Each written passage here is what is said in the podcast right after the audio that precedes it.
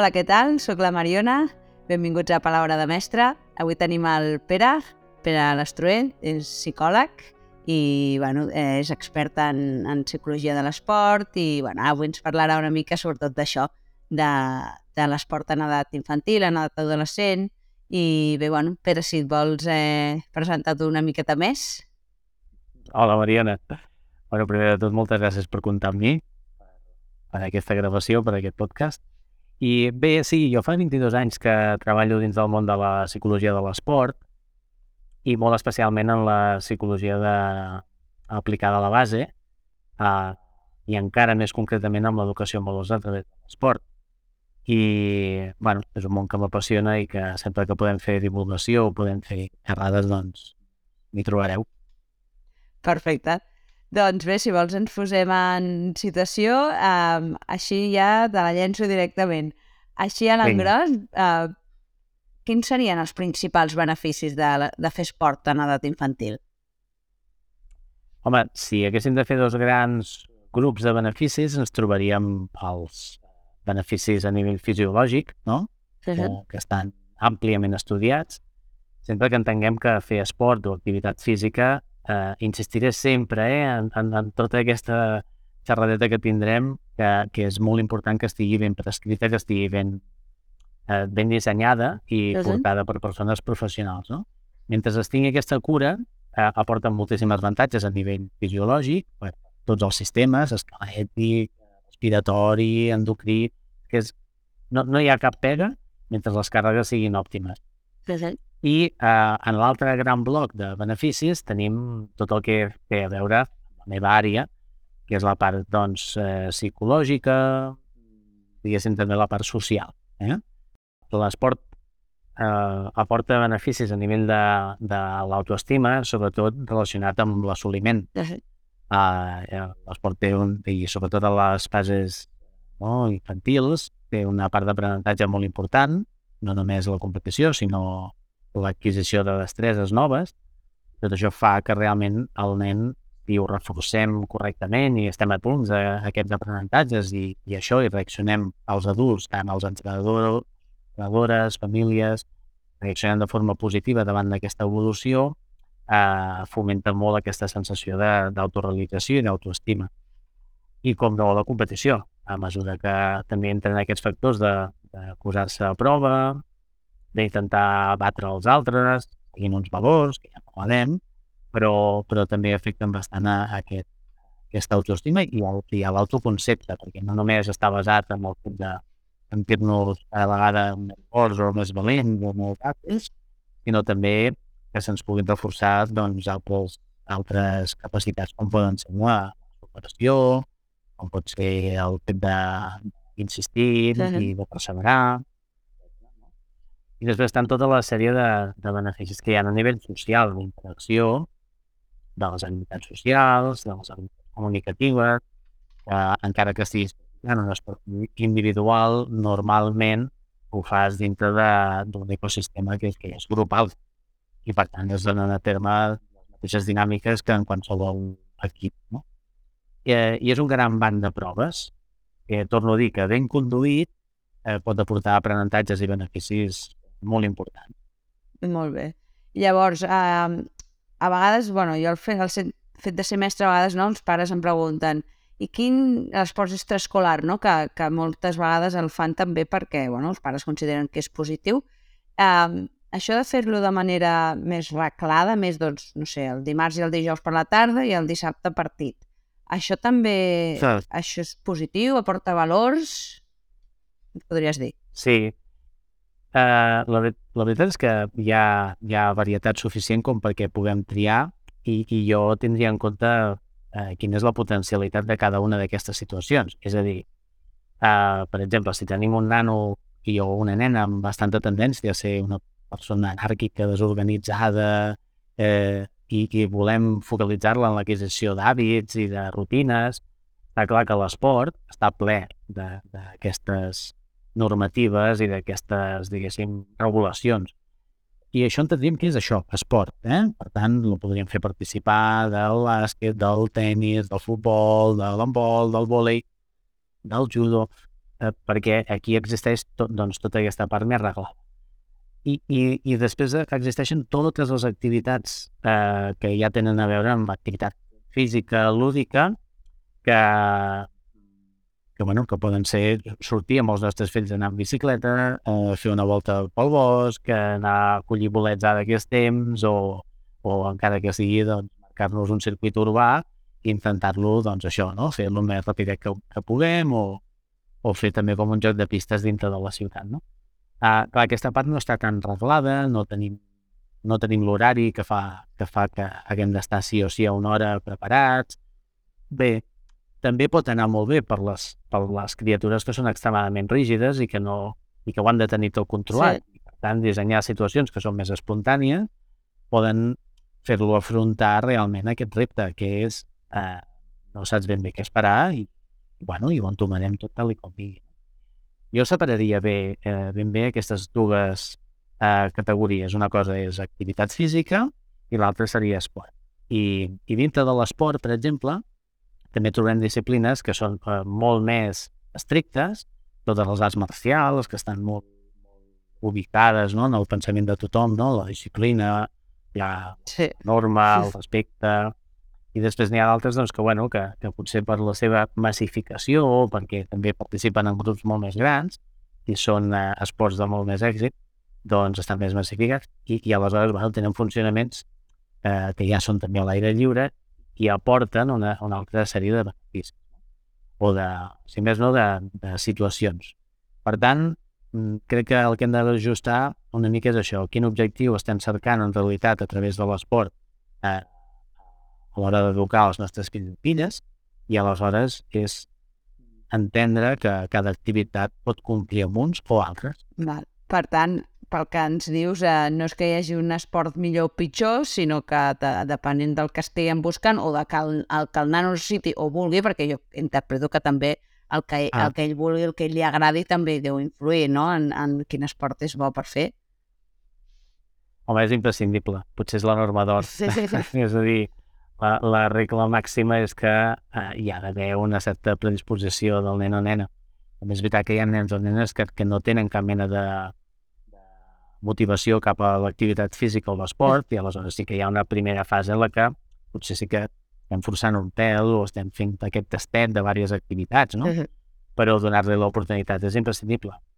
Però, dit d'una altra forma, eh, o ens posem a l'altra tessitura que seria obligar un nen o una nena a fer un determinat esport perquè és l'esport que jo he practicat o és perquè tenim un tiet que ho ha fet i ens sembla que ha estat tan bo per ell que pel nostre fill o filla també ho serà, eh, això té una caducitat més aviat ràpida. Sí, d'acord. Per tant, eh, mira, just ara dius no, això de que faci un esport eh, que a mi m'agradi o que, que l'esculli més l'adult, i al revés, és a dir, prohibir-li l'esport perquè, doncs això, perquè tret males notes o perquè ha d'estudiar, això consideres positiu? Perquè hi ha estudis que diuen que, que és bo pel rendiment cognitiu també fer esport, no? Clar, eh, en això seria categòric i és, és eh, mai, mai, mai s'ha de castigar amb l'activitat física, mai. Tenim tantes altres coses a condicionar eh, i que són realment privilegis i són accessòries, com per exemple la utilització de pantalles, Eh, en fi, on poden acudir activitats eh, com resulten, entre cometes, de pagament, no? Ens anem al cinema sí. o fem... Eh, o anem a fer un berenar especial. Tot, tot això és accessori i encara que aporta també els beneficis del Gaudi, no, no són imprescindibles. Jo mai condicionaria l'assistència a l'esport dels nostres fills o filles o alumnes a, al seu rendiment acadèmic, de cap manera. Al contrari, eh, jo a la meva consulta rebo moltes vegades aquesta petició i, de fet, de vegades el, les famílies doncs, acaben per castigar i no sóc ningú per dir que no, però sí que opino i, i sempre intentem fer reflexionar en el, en el fet de no condicionar-ho, perquè també és veritat que a vegades existeix un bloqueig eh, i també una autoestima baixa, perquè bueno, o bé per una dificultat en els aprenentatges, eh, o bé per una manca de motivació o, o per motius no estan rendint en l'acadèmic, comencen a sentir-se també el desastre, reben sempre desaprovació en aquell entorn, en canvi brillen en l'esport, gaudeixen en l'esport. home, eh, Clar. potser està bé que algunes hores a la setmana elles pugui o elles puguin sentir realitzades, Sí. puguin notar que allà sí que tot flueix i que surten, a més, amb aquests beneficis de la descongestió, Clar.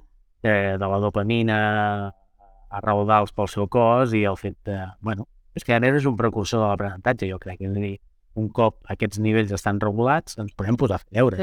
És més important fer-los després que no abans, no? Sí, i bueno, és també un aprenentatge saber-se organitzar, no? Si sé, si sé que tinc entrenament Ah, a les sí. 6 de la tarda, doncs ho haig de saber com gestionar per poder arribar tot. Bueno, si em permets, eh, jo, jo tinc tres fills, Sí, sí. dos adolescents Ostres. i, i una petita que està encara a primària, i, i, i ahir la meva filla gran em deia uh, demà tinc volei, uh, però clar, també haig d'estudiar per l'examen de mates. Què faig? Em quedo a casa per estudiar més o vaig a volei i després estudio? Dic, home, Bruna, no, no, ja saps la resposta del pare.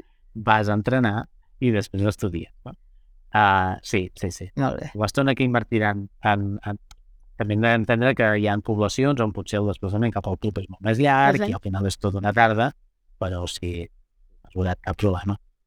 Molt bé. I llavors, eh, ara m'agradaria entrar en, en ja la pràctica esportiva en si, perquè... Ah. Uh, bueno, uh, primer de tot, uh, hi ha alguna diferència entre un esport d'equip i un esport eh, individual? No sé, el tennis o el judo mateix i el, i el bàsquet? Ha... és- Els dos són bons, tenen Sí. cadascú les seves coses o no? Sí, sí, sí, sí, evidentment són, són això, ecosistemes diferents, de, de, de funcionament diferent, hi ha els mateixos elements, però uh, sí que es donen dinàmiques uh, bastant diferents, no? Potser es noten més a l'hora de les competicions, que és on, per exemple, en un esport individu individual estàs més exposat i les atribucions de l'èxit les pots fer totes a tu, eh, o gairebé totes, però també les dels fracassos, les derrotes, les, Clar. les errades, no? Mhm. que en un esport d'equip poden quedar una mica diluïdes, però també hi ha el factor estressant de què opinaran de mi si m'equivoco, no? o si fallo. Eh, que en canvi en l'esport individual, doncs al final normalment no perjudiques a ningú del teu club. Tu sol, Com a molt els hi sabrà greu que no t'hagi anat bé. No? Mhm. A nivell de competició, realment les dinàmiques són molt diferents i generen eh, eh, capacitats diferents d'afrontament. Eh, tenim que, que potser hi ha una duresa psicològica no? d'afrontament més dura en els esports individuals que en els d'equips. Sí. Però les dinàmiques que s'estableixen en l'equip també són molt riques, aporten gran capacitat de- d'això, d'adaptació, perquè nanos que participen van canviant d'equips en la mateixa disciplina esportiva i, bueno, doncs, això facilita també no? les habilitats socials. Sí. Però sí, sí, existeixen... Torno una miqueta a la idea del principi. Crec que si sabem com són els nostres fills i filles, entendrem quin és el tipus d'esport que més li convé. Sí. Si és un esport individual o un esport d'equip. Val, perquè a més, ah, bueno, ho deies també al principi, tot i així a l'hora dels entrenaments i això sí que, sí que es relacionen amb altres persones o amb altres eh, companys, no? Sí, sí, sí, sí, sí. Jo, eh, jo de tota la vida he, he fet judo, Mhm. encara en faig ara, i, i sempre hem dit que el judo és un esport indi individual que s'entrena en equip. D'acord.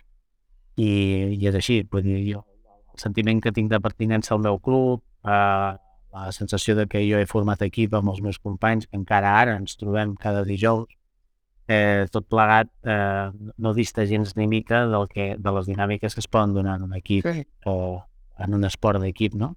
Per tant, et deia que aquesta part no, jo no, no, la, no la trobaria diferent Val. normalment. Més- Però sí que a l'hora de competir, Clar. evidentment, ja no tens aquesta relació. Val.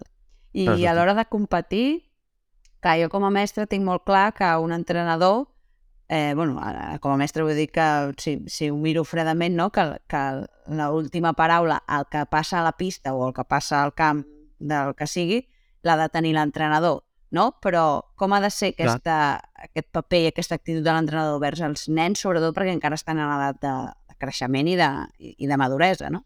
Clar, clar. Bueno, aquí toquem un tema interessant, eh? Sí, sí. que és l'estil de comunicació i l'estil pedagògic de, d'entrenadors i entrenadores, no?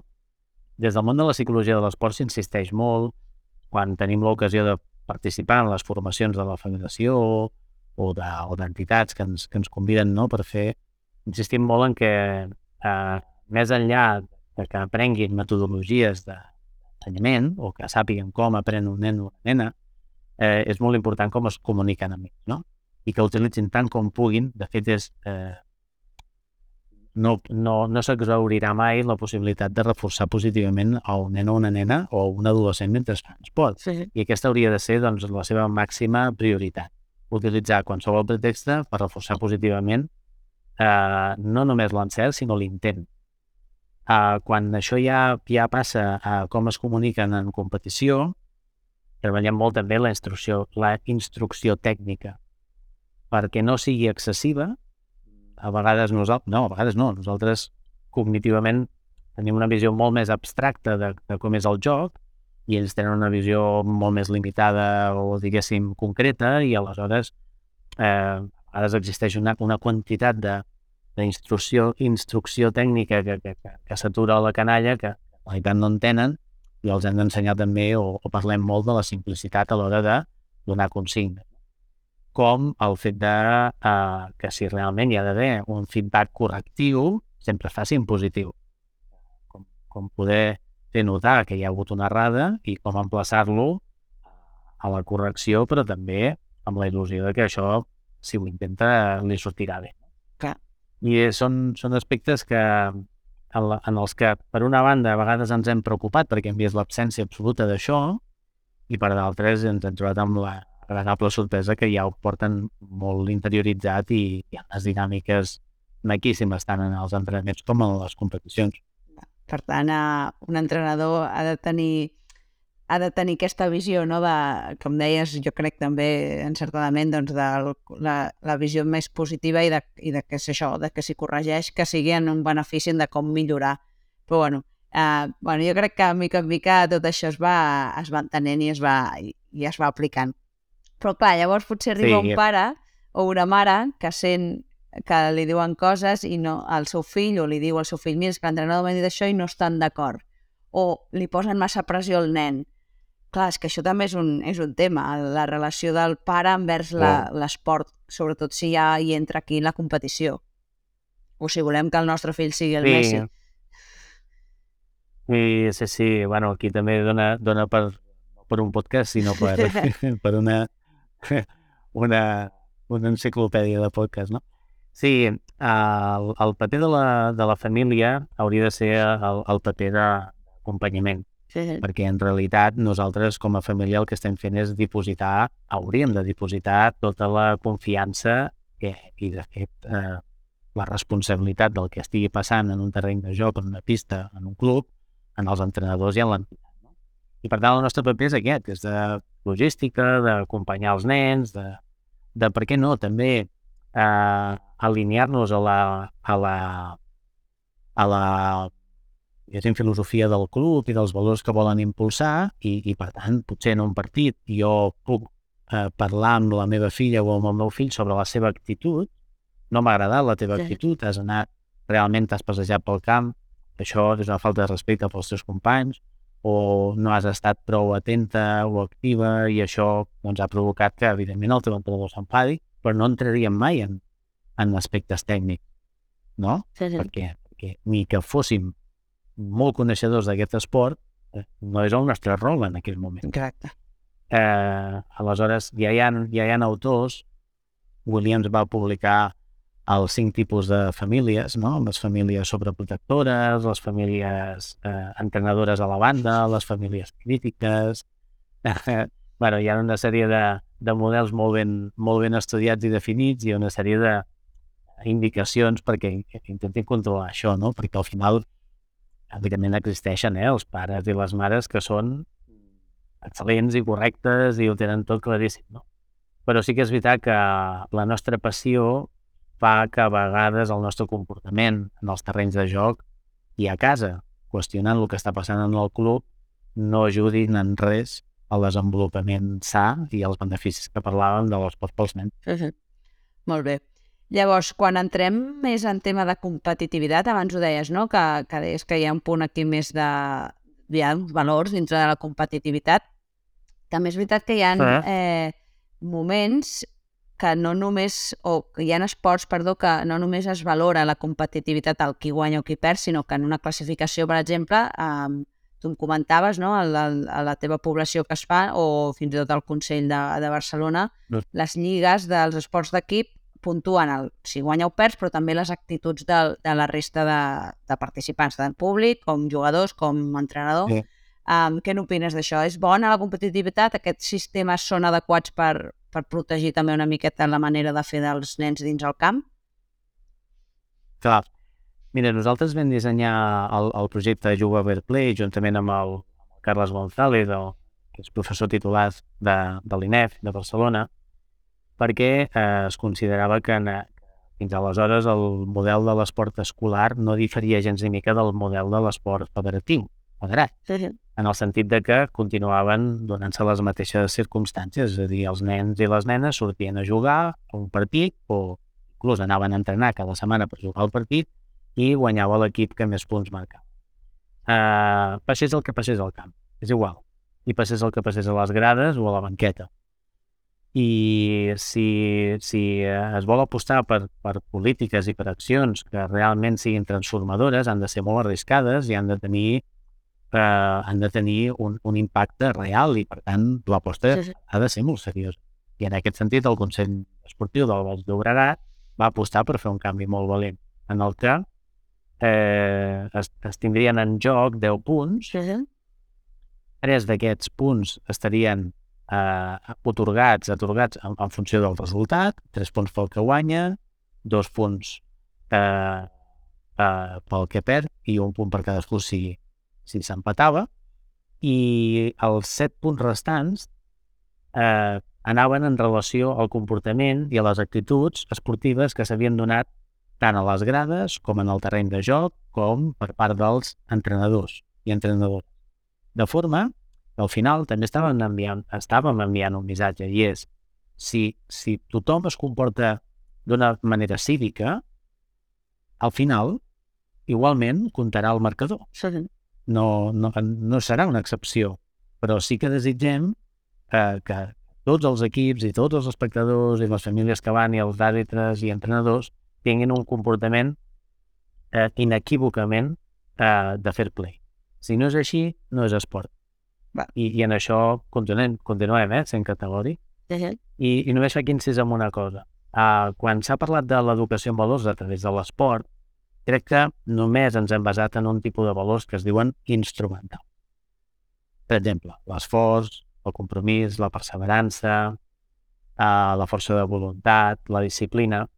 Tots aquests valors, si t'hi fixes, són valors que ens ajuden a assolir objectius. Ells pot ser guanyar Sí, algú altre o millorar la tècnica. Però en, a, el que, el que, del que pot anar més mancat i del que en realitat estem més orgullosos de l'esport és quan l'esport el que educa és en valors socials o que en diem finalistes. Com volem que siguin els nostres fills i filles al final. I aquí apareix el respecte, la tolerància, la indulgència, eh, eh, la- l'empatia... Clar, i aquests valors, fins ara, no havíem trobat mai de quina forma es reforçaven. Clar. Tu pots reforçar l'esforç si al final ho guanyes un partit, però com reforces el respecte? És que de vegades s'ignorava això, és que no se li donava ni una petita felicitació al nen o la Sí, nena, sí. perquè, bueno, ja ho fan. Jo no, no, no, se, no se li otorgava Sí. importància. No, sí, sí, sí, clar, bueno, doncs és molt bona nena, i ja està, i s'ha acabat, no? Doncs en projectes com el Juga Fair Play i finalment eh, el que es va decidir a nivell de, de consells de, de, ai, de tota Catalunya, dels consells esportius, va ser que els valors havien de comptar i s'havien de poder reforçar de forma que estiguessin inclosos en el resultat. Sí.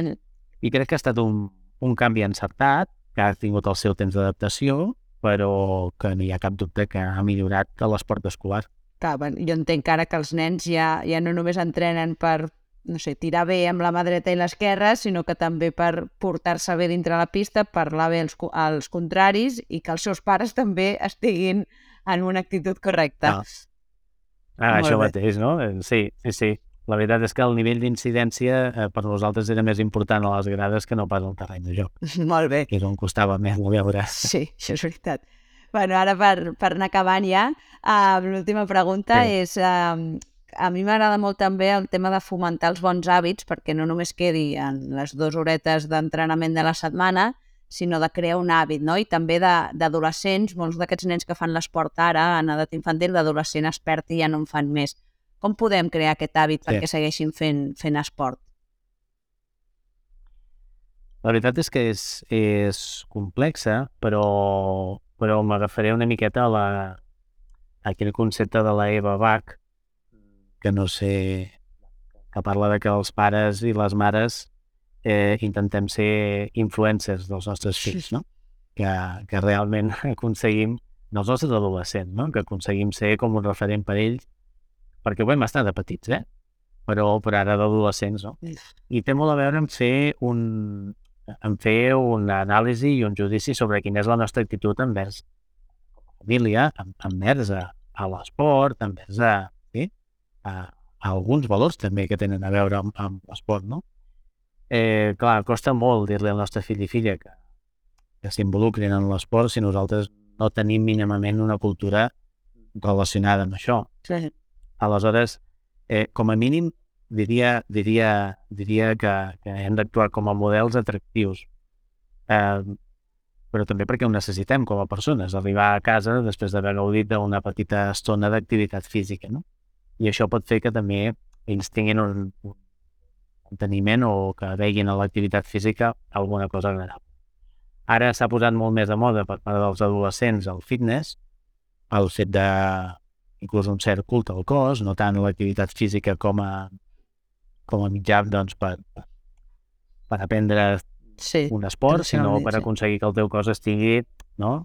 amb, amb una forma determinada i el que no podem fer les famílies és confondre i, per tant, eh, ac- acabar per menys tenir aquesta voluntat també de fer una activitat física que a la nostra època no hi era, no? Per tant, interessar-nos una mica per, per com, tra com volen fer això, no prohibir-los no anar al gimnàs, al contrari, el gimnàs no deixa de ser una altra forma d'activitat física, de socialització, i el que caldria és, a partir d'allà, continuar fomentant doncs, altres formes d'activitat i no seria tan estrany que un cop hagin passat l'etapa més dura de l'adolescència tornin a reenganxar amb un esport. Va, és a dir, no, no entrar-hi de front perquè el que farem, bueno, aquesta, no? aquesta edat és el que té que, que ells llavors eh, s'enfronten encara més i, i, i tiren enrere, no? Perquè bueno, tot el que diuen Sí. els pares moltes vegades eh, volen fer el contrari. Directament. Directament. Sí, sí, sí, i tant. Molt bé. Doncs bé. Pere, eh, res més. Eh, la veritat és que està molt interessant. Ens has donat molts, molts tips i moltes idees i també una part més teòrica no? de, tot el que, de tot el que està al voltant de l'esport i dels beneficis i dels valors. I res més, bo, dir-te que moltes gràcies per, per estar aquí. Gràcies a tu, Mariona, i ha estat un plaer de, de poder participar en el teu projecte. Molt bé, doncs ens veiem a la propera. Una abraçada. Una abraçada.